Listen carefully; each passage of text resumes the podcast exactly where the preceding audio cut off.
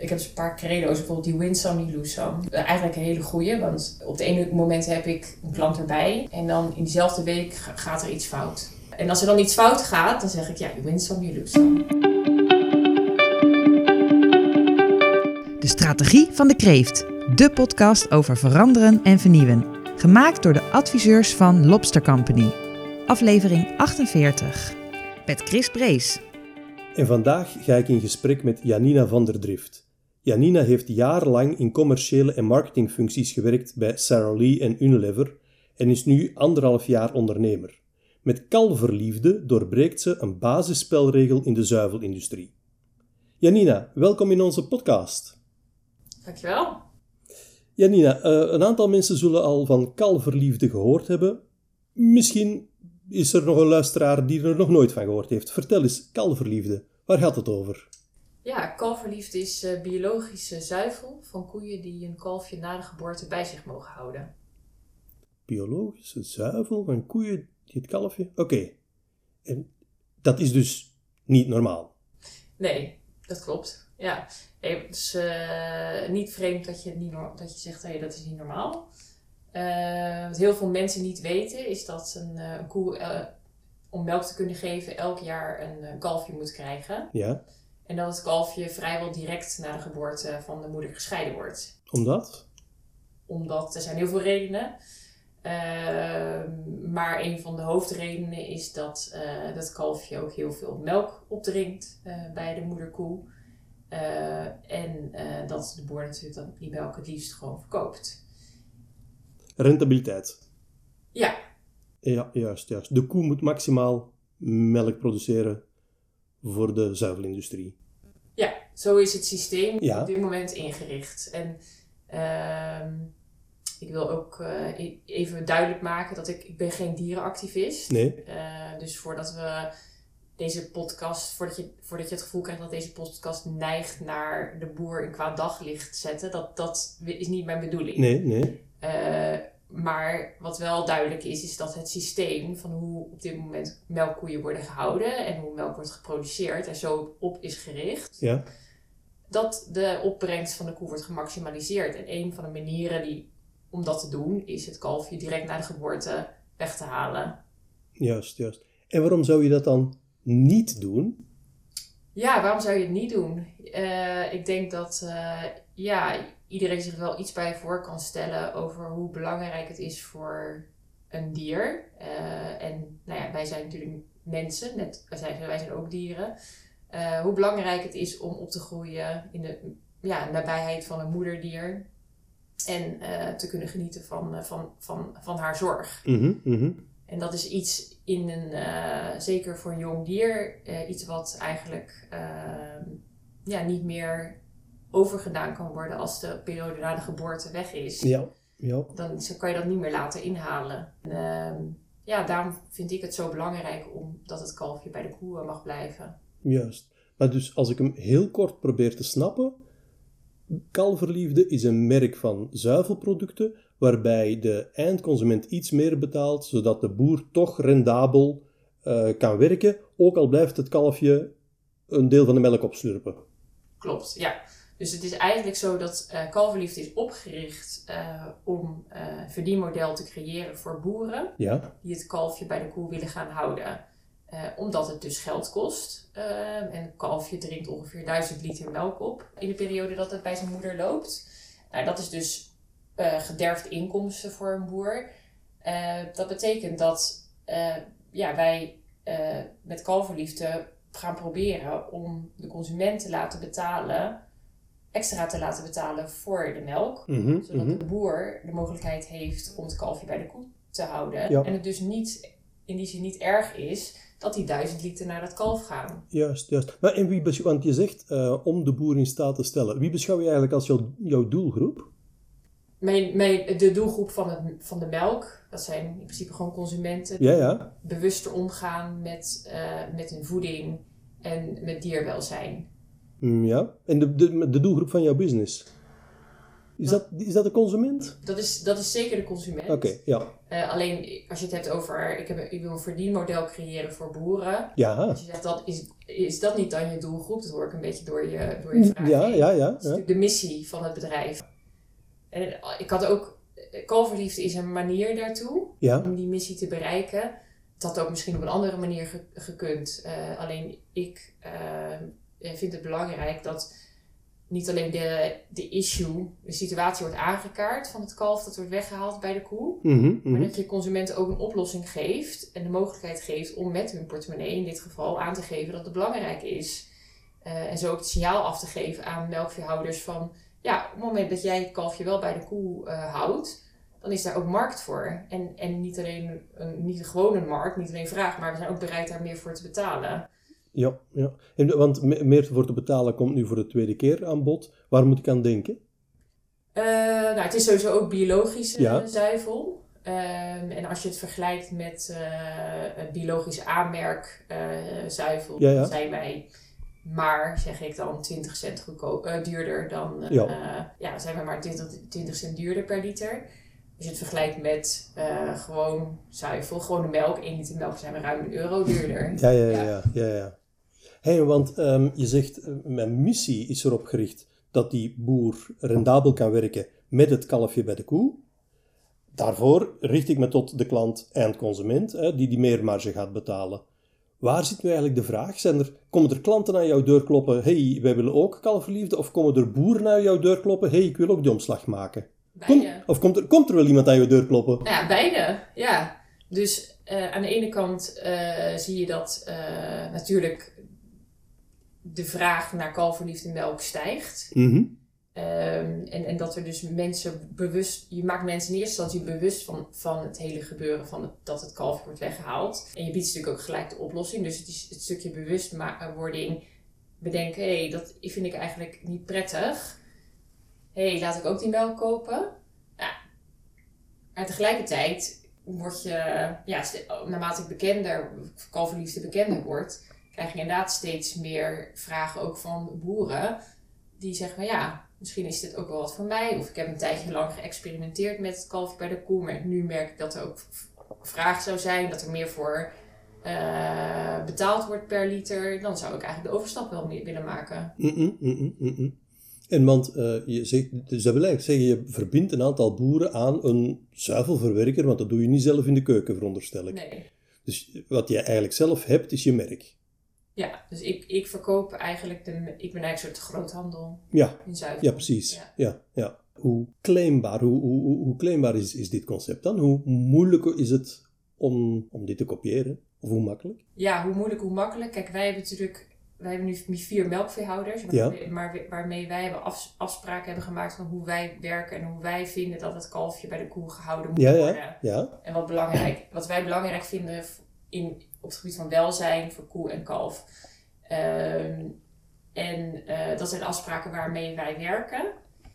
En ja, ik denk dat hoe, hoe claimbaar het is. Het, de, in principe zou iedereen natuurlijk het kalf, elke melkveehouder zou het kalf bij de koe, eh, koe kunnen houden. Alleen er zijn er maar op dit moment 45 in Nederland die het doen. Dus zo makkelijk is het niet voor melkveehouders om, om over te stappen. Wat, wat, wat, remt die, wat remt die overstap dan? Wat remt de schaalbaarheid voor jou? Nou ja, ik denk toch dat eh, je, ik zal boeren moeten overtuigen om het kalfje bij de koe te gaan houden. Eh, nou, het eerste, het helpt dat zij daar natuurlijk, eh, ze krijgen een, eh, een extra vergoeding voor, Ja. de, voor het kalfje bij de koe. Een, een, een eh, 7 cent per, eh, per liter extra. Maar daar, wat ze daarvoor moeten doen is dus best wel een grote wijziging in hun manier van melkveehouderij. Dus eh, waar ze voorheen het kalfje weghaalden eh, en, en vooral een heel goed eh, controle hielden, zelf in, in de hand hadden, hoe, hoe het met de gezondheid van het kalfje was, Ja, ja. of het voldoende drong. Zullen ze dat nu moeten overlaten aan die moederkoe? Ja, ja. Dat is denk ik een soort van mindset die, die ze moeten veranderen. Eh, maar ook het, de stal moet erop ingericht zijn. Dus eh, als jij een hele grote stal met heel veel koeien, dan is het niet zo makkelijk om daar wat kleine kalfjes eh, tussen te laten lopen. Hè? Of hun poten kunnen vastkomen te zitten Ja, ze kunnen verdrukt raken. Ja, ja. Er kan eens een keer koe op gaan liggen. Dus meer ziektes eh, zouden er eh, kunnen ontstaan, noem maar op. Ja, dus dat is niet zo eenvoudig voor een boer om, om, dat, maar, om dat systeem te gaan, eh, te gaan ehm, hanteren. En tegelijkertijd zijn er gewoon wel boeren die kleinere stallen hebben.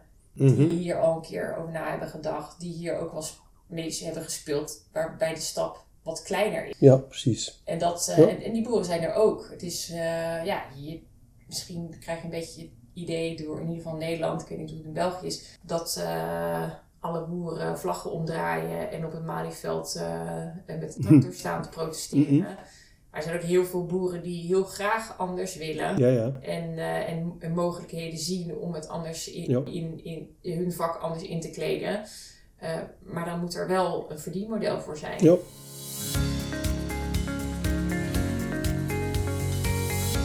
Dus de rem op schaling zit op eh, boeren die overtuigd moeten worden en ook fysiek moeten op een heel andere manier gaan hun vak bedrijven. Dat betekent dat langs de andere kant, dus langs de kant van de consumenten, kan je ook maar met die snelheid groeien. Ja. Dus het is ook lastig, want ik zag, jullie zijn ondertussen wel beschikbaar bij Albert Heijn. Ja. Hoe, hoe garandeer je dan dat je de volumes aan kan? Stel dat de consumenten plots heel enthousiast worden. Ehm, ja, goed, ik heb, ik heb wel een, een soort eh, wachtlijst van boeren. Van boeren, ja, echt? Die, eh, die geïnteresseerd Ja, ja, ja. zijn. Dus ik weet wel een aantal boeren die, eh, die, ja, die we zouden kunnen Ja, inlijven. Ja, ja, ja, ja, ja, maar een hele plotselinge vraag, een he- opeens een verdubbeling. Ja, dan, dan, bij wijze van spreken morgen een verdubbeling. Ja, dan moeten wij wel even gaan schakelen. Ja, zeg maar. dat, dat kan gewoon niet. Snap als je een boer hebt die ehm, zegt, ja, ik wil het gaan doen, dan kunnen wij bij wijze van spreken morgen de melk ophalen en zeggen we vanaf morgen gaat er geen enkel kalfje meer weg bij de moeder. Want eh, als ik dan toch even in de toekomst kijk, je bent nu even bezig, je zit aan, eh, wat was het, vier boeren dacht ik, hè, waar je nu mee samenwerkt, je hebt een lijstje. Aan hoeveel boeren zit je binnen vijf jaar? Ja, ik denk, ik hoop rond de 20, 30 of zo. 20, 30. En voor mijn beleving, heb je dan, ben je dan echt zichtbaar in de zuivelmarkt van Nederland? Of ben je dan echt nog, Maar ja, dan ben ik gewoon nog klein. ben je nog heel... Dan ben ik nog steeds ja, klein. ja, ja, Ja. ja. Ik ben nog steeds een kleine speler, want er wordt gewoon ongelooflijk veel melk gedronken in. Nederland. En er zuivel gegeten. Zeg, want, want zie je dan eerder groei, nou, als je even naar de toekomst kijkt, hè, eerder groei in aantal deelnemende boeren, aantal eh, retailers waar je beschikbaar bent? Of productinnovatie? Ik bedoel, naast volle melk en half volle melk kan je yoghurt en karnemelk en kaas en Ja. you name it. Ja, ik denk beide. Ik denk eh, dat er ehm, sowieso nog veel te winnen valt in de uitbreiding van distributie van de melk. Ja, Ehm, nou, we hebben nu Albert Heijn, maar je we hebben genoeg andere supermarkten in Jazeker, Nederland. ja. En ehm, eh, in horeca natuurlijk. Er wordt eh, in koffiezaken natuurlijk heel veel melk gebruikt. Ja. Cappuccino's en Ja, ja. lattes en dan weet ik het wat Ja. allemaal. Eh, dus daar zit zeker uit, zitten uitbreidingsmogelijkheden in. Maar bijvoorbeeld kaas en yoghurt, dat zijn wel de producten waar, ik, waar ook het meest, de meeste vraag naar is. Ik word wel wekelijks, maar moet je zeggen dagelijks, gevraagd naar... Heb je ook kaas? Heb je ook yoghurt? Heb je ook kaas? Heb je magere melk? eh karnemelk? Maar kaas en yoghurt zijn natuurlijk gewoon de grootste, ja, ja. ja. ja, de dichtstbijzijnde Ja. kansen. Hey, want het half stapje terug. Eh, jullie zijn begonnen, of jij bent begonnen met eh, kleinschalige retail en nu de, de, zeg maar de, de grote retailers. Eh, terwijl je ziet heel dikwijls bij, zeker bij drank, dat men begint in de horeca en van daaruit naar retail gaat. Hoe, hoe is die afweging gelopen voor jou? Kijk, ik, ik heb natuurlijk vooral die retail achtergrond. Ja. Dus dat is wat mij Ja, ja, juist. wereld is Ja, ja, ja, bekend. ja. Eh, en daarnaast heb ik ook wel specifiek voor gekozen om in een regulier supermarktkanaal eh, te introduceren. ja. Omdat eh, ik juist ja, de gewone mens, de gewone burger, Ja. ja, bekend wilde maken met, met, met de issue. Met het feit dat het kalfje van, van de koe wordt Ja, gescheiden. En hen ook die mogelijkheid wilde geven om, om dan het product ook te kopen. Ja, ja, ja. En ja, bio, bio, bio-speciaalzaken, dat zijn natuurlijk eh, plekken waar de gemiddelde consument, of de, ja, de- laat ik zo zeggen, de, de bezoek, gemiddelde bezoeker van een bio-speciaalzaak is vergeleken met de rest van Nederland gewoon hyperbewust. Mm-mm. En die doen het eigenlijk al supergoed. En ik wilde juist die consument eh, bedienen die ja, daar nog niet eh, mee bezig was. Of nog, nog niet de mogelijkheid heeft gevonden. En dat is ook wel wat het super leuk maakt. Dat ik, ja, regelmatig eh, berichten van... Het is fijn dat, deze, dat, dat het kalf bij koemelk Mhm. overal zo makkelijk te verkrijgen is. Ja, precies. Ja. Hey, want eh, je, je vertelde, ehm, je bekent het met de retaillandschap, hè, ehm, bekent het met de landbouwwereld, maar die, die, die eindconsument, want je, je wil de gemiddelde Nederlander bereiken, niet die speciaalzaak. Eh, welke, op welke inzichten, welk inzicht heb je eigenlijk over wat bij hen dan aanspreekt, trekt? Eh, bij hoeveel mensen is dat dan? Eh, wat laten ze ervoor staan? Hoe, hoe zit die betaalbereid, berei- ber- betaalbereidheid? Ja, ik moet heel eerlijk bekennen dat ik niet zo heel veel eh, marktonderzoek heb gedaan. Ja. Het is, dit is wel echt een project geweest dat heel erg op gut feel zat. Ja. En, ehm, en natuurlijk heb ik al gesprekken gehad met mensen om me heen hierover. Over dit Mhm, onderwerp. Maar ja, ik, zie natuurlijk, ik ben zelf een dierenliefhebber. Mhm. Dit onderwerp, moeder. Dus Mhm. dit onder- onderwerp spreekt me natuurlijk enorm aan. De mensen met wie ik omga ook. Dus ik besef me heel goed dat ik in een bubbel zat. Wat ik wel zag, eh, is dat ehm eh, Dierenwelzijnsorganisatie het, het scheiden van kalf en koe en, en steeds meer vragen st- over, eh, over de zuivelindustrie, dat dat steeds bekender werd. Ja. Zij, zij kaarten die issues aan. Eh, dus, me- dus ja, wat dat betreft heb je, heb, had ik natuurlijk wel de wind mee. Ja. Maar of een consument bereid was om hiervoor te gaan betalen, geen idee. Hm. Het enige wat ik wel wist, ik heb natuurlijk met, met een aantal mensen gesproken hierover. Ook eh, ja, bijvoorbeeld eh, bureaus, die, het bu- het bureau dat voor mij de verpakking heeft Mhm, ontworpen. mhm. Ja, iedereen die ik erover sprak zegt wel een ontzettend gaaf idee. En Ja. we gaan je helpen. Ja. En en, en meestal zelfs kosteloos. Ja. Of Ja. voor een eh, ja, beperkt bedrag. Ja. Ja, daarin merk je toch wel van, ja, mensen vinden dit wel heel erg mooi. Mensen willen wel hiervan een succes maken. Ja. Ja. Dus Ja. ook al was dat consumentenonderzoek er niet, Ja. ja, je krijgt toch aan alle kanten, en ook eh, gezien de PR die we hebben gekregen, Ja. aan alle Ja. kanten wel de juiste feedback van dit is wel iets wat super mooi is, wat we moeten steunen en wat, wat er gewoon een succes moet worden. Ja, ja, ja. Dan loop je straks mogelijk tegen de eh, tegenstelling tussen de burger en de consument aan. De burger die het eh, belangrijk vindt, maar de consument die 20 cent meer moet betalen. Au.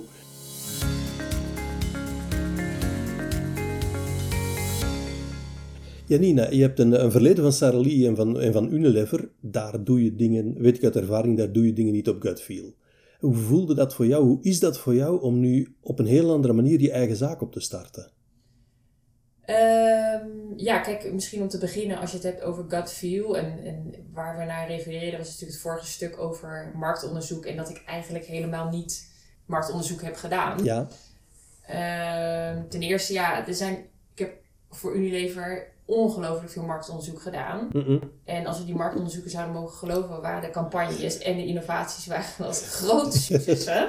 nou, helaas. helaas. Ja, Niet ja. altijd. Nee, nee. Eh, dus eh, ja, die waarde van marktonderzoek is natuurlijk ook, ja, er zit ook een beperking aan. Ja, Eh, en ik denk als je het hebt over, ik heb, ben dit begonnen met gut feel en het is, het is, het is ook een bedrijf wat ik echt opstart vanuit mijn hart. ja.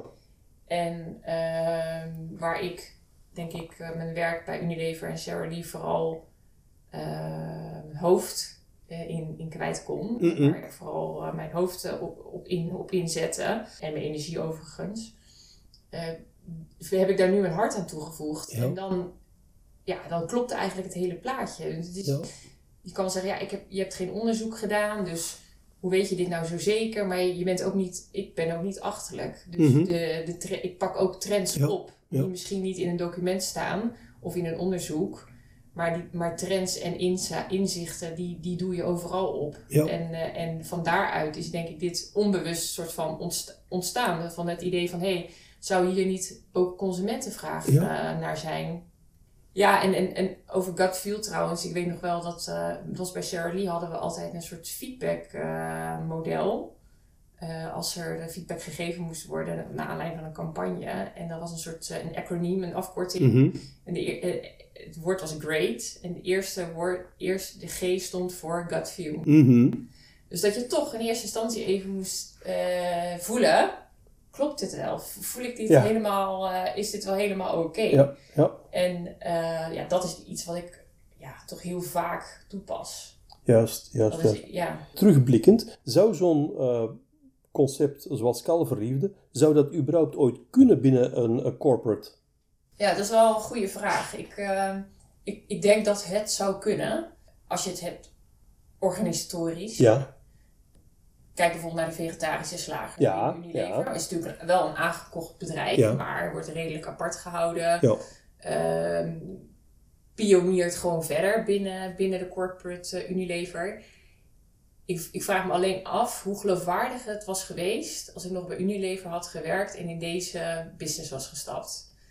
Eh, je ziet toch wel dat mensen het ja, wel interessant vinden dat je van Unilever komt, Ja, maar ja. ook wel weer mooi vinden dat je eruit gestapt Ja, bent. ja, ja, ja. ja. Eh, want er is niks corporate aan kalverliefde. Nee. En de mensen met wie ik nu werk. En dan Ja. heb ik het over melkveehouders en zuivelverwerkers. Ja. En, eh, en ja, juist dat hele corporate gevoel van je afschudden, dat werkt heel goed. En, en ik denk ook, ja, als je, als, dit is echt een bedrijf met een missie. En, en, eh en Kalverliefde is een manier waarop ik die missie kan, eh, kan invullen. Ehm, die bedrijf is niet opgericht om zoveel mogelijk geld te verdienen. En iedereen weet toch wel ergens dat als je een corporate bent, ja, dat leuk die missie, Ja, maar de, maar de schoorsteen moet wel roken. ja, ja, ja. ja. Nu, je, je maakt er een stapje, dat vind ik wel een, heel boeiend domein om samen te verkennen. De, de corporates, of alle commerciële bedrijven, die zoveel jaar geleden eh, echt wel shareholder value driven waren, met winst, aandeelhouder, die toch met z'n allen window dressing of echte overstappen maken naar, naar, naar de stakeholder. Eh, people, planet, profit, you name it. Eh, ik heb het gevoel dat, dat, jij een stap verder gaat. Dat, dat je hier echt dat je de stap maakt van, van eh, shareholder naar rightholder. Naar veel verder in de toekomst kijken en ook veel breder. De boer zit niet aan tafel, de koe zit bij jou aan tafel en het kalf zit bij jou aan tafel. Hoe ervaar jij dat zelf? Ja, dus als je zegt de koe, de koe en het kalf zitten aan tafel. Ehm, ik ben dit bedrijf natuurlijk gestart voor, in eerste instantie voor, de we- voor, om welzijn te verbeteren van koe en kalf. Ja, Maar moet ik eerlijk zeggen dat toen ik bij de melkveehouders op, eh, op bezoek kwam, Ja, op de ja. erf kwam, ja, en zag hoe keihard deze mensen werken. Ja, Dan heb ik het niet alleen over de kalf bij koeboeren, ja, ja. die een kalverliefde leveren, maar ook eh, gangbare boeren. ja. Mensen werken echt kei en keihard en doen echt alles voor hun bedrijf en ook voor hun dieren. Eh, toen dacht ik eigenlijk van ja, misschien moet ik, dit bedrijf is niet opgericht alleen maar voor koe en kalf, maar dit is ook opgericht juist voor die boer. Om te zorgen dat die de overstap kan maken. En ehm, dat is dat. Het voelt voor mij ook echt als een voorrecht om bij hen in de, aan de keukentafel te, zitten en, Ja. en hun, hun wijsheden eh, te horen en, en met hun, hun ge- gezinsleven eh, kennis te maken. Zij geven wat dat betreft ook ontzettend veel inzichten die ik anders niet eh, had gekregen. En, en dwingen mij ook om zo transparant mogelijk en zo duurzaam mogelijk te werken.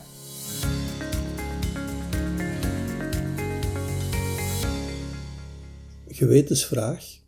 Zou je binnen vijf jaar een eh, vegetarische slagermove kunnen doen? Zou je kunnen verkopen, jouw bedrijf verkopen aan Campina? Ehm, ja, ik, ik zou nu zeggen nee. Mm. Eh, ik zou in eerste instantie eh, zou ik heel graag met de boeren een, co- de- een coöperatie oprichten. Oké, ja. Eh, en hen laten uh, meedoen Ja, in het bedrijf. ja.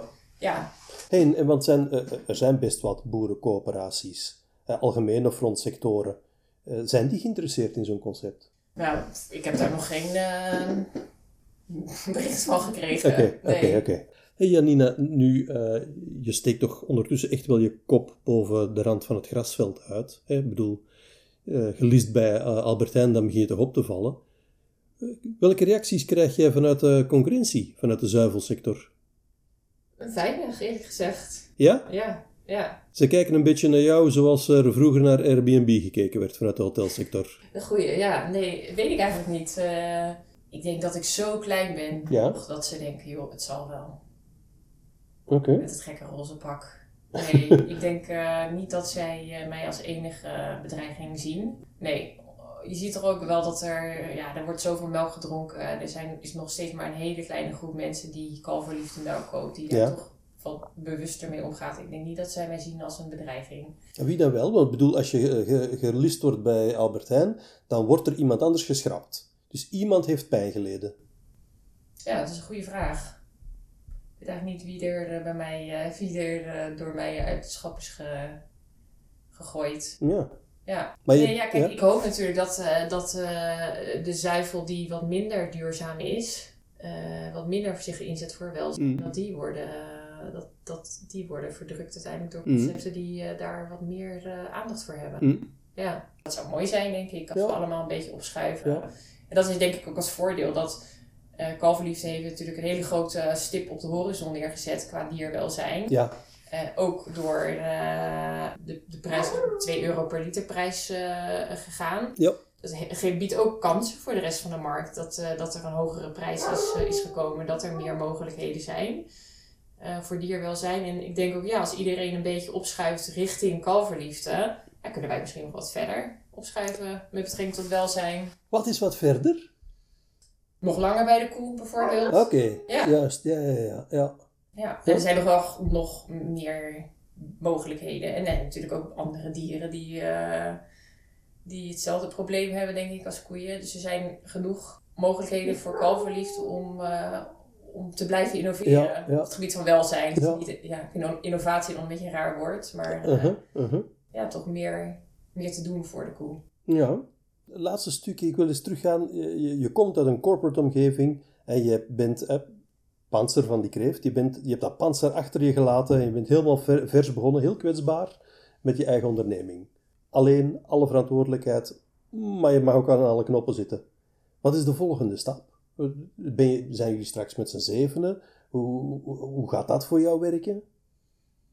Ehm, ja, ik denk dat, dat kijk, ik doe natuurlijk nu alles uh, alleen. Ja, ja. behalve wat melken dan. Ja, ja, ja. En eh, eh, nu gaat dat nog. Ehm, en bij vlagen gaat het niet. Mhm. En dan is het echt een beetje te veel eh, als het heel druk is. Ehm, en eh, ik merk ook gewoon dat kan een hoop zelf, maar ik ben niet eh, multitalented. Ja. Dus ik weet wel dat eh, bepaalde dingen niet mijn eh, talent zijn.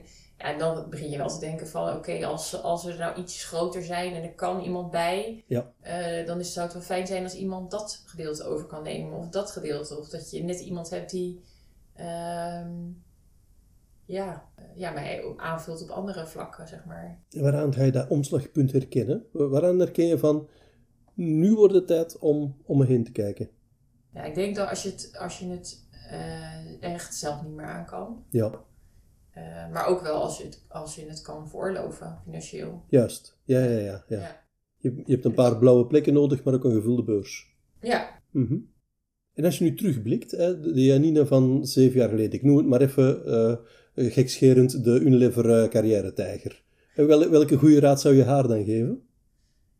Ehm, ja, kijk, als ik, als ik terugkijk op mijn carrière bij Unilever, dan eh, aan de ene po- in positieve zin heb ik daar ontzettend veel geleerd. Zeker, ja, ja. Meegemaakt, Ja. lol gehad, Mhm. leuke collega's Mhm. eh, eh, leren kennen. Eh, aan de andere kant denk ik dat ik ook niet altijd mezelf daar was of Mhm. moet zijn. En dat je toch een beetje wil meedoen in dat, in dat corporate wereldje ten koste van jezelf of je Ja. eigen persoonlijkheid. En, en als je dan, als ik dan denk, ja, die Janina van zeven jaar geleden. Ehm, ik, ik denk niet dat het anders had gedaan. Juist, ja, ja. Ik denk juist dat ik zou zeggen van ja, vertrouw er maar op dat dit oké, dat Ja. het ook maar een fase is. Juist, ja, ja, En ja. dat het, ja. dit moet jij gewoon doormaken en dan kom je wel op een andere plek. ja. En eh, ja, dat, dat, dat is het eigenlijk. Je het vertrouwen hebt in de toekomst en in, in, het, in het proces. En ja, misschien, ik heb relatief lang in FMCG. Mhm. 15 jaar bij, Ja, in totaal bij FMCG, in FMCG gezeten. Dan denk je ook wel eens achteraf. Jeetje, heb ik zo lang de tijd gehad, eh, nodig gehad om de lessen te, Ja. te leren. Maar ja, je moet natuurlijk ook op een bepaald punt komen dat je denkt, nou, ik ga het nu voor mezelf doen. Ja. het idee hebben. Ik heb al vaker ideeën gehad eh, om een eigen bedrijf eh, te beginnen. Mhm. Eh, en dit, maar dit idee bleef zo zitten dat ik dacht, eh, ja, dat, en het bleek ook goed aan te slaan. Ja. eh, dat het toch wel een kans was om ook echt uit die wereld te stappen. Juist, ja, ja. En, je- en je belangrijkste lessen van, van die opstartfase, van die voorbije anderhalve jaar? Ehm, ja, ik denk, ik denk dat de belangrijkste les, denk ik, ja, ik heb, voor mijn gevoel zit ik er nog helemaal, nog helemaal in. Dus eh, om dat te zeggen, ik, ik heb al echt al een grote lessen ge- geleerd, vind ik, vind ik lastig. Mhm.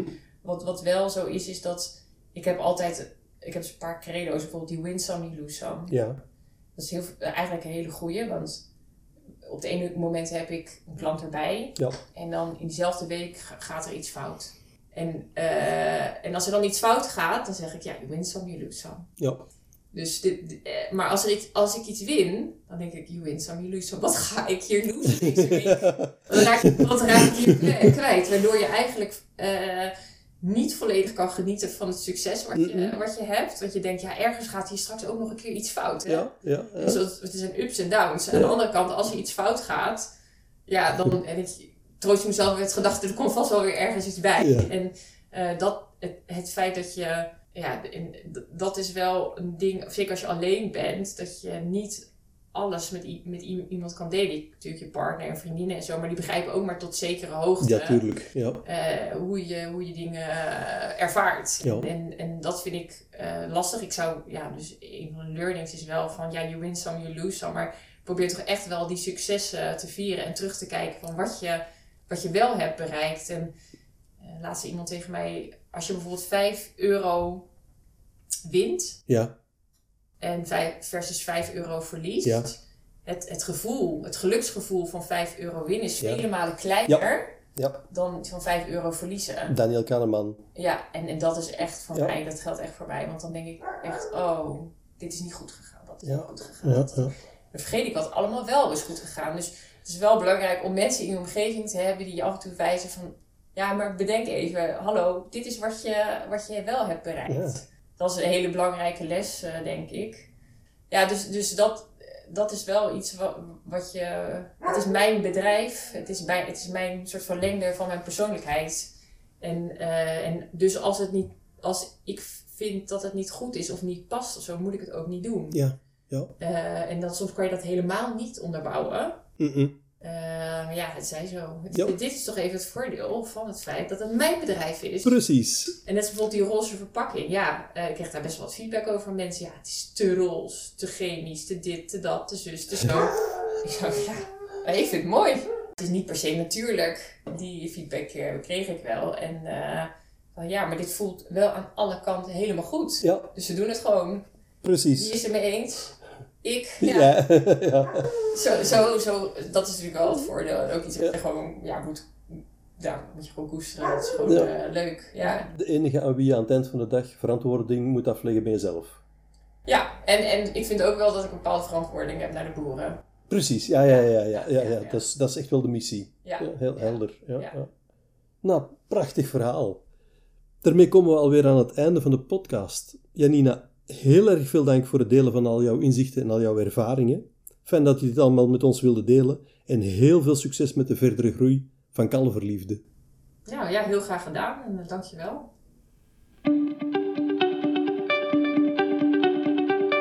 Leuk dat je hebt geluisterd. De Strategie van de Kreef podcast is een productie van Lobster Company.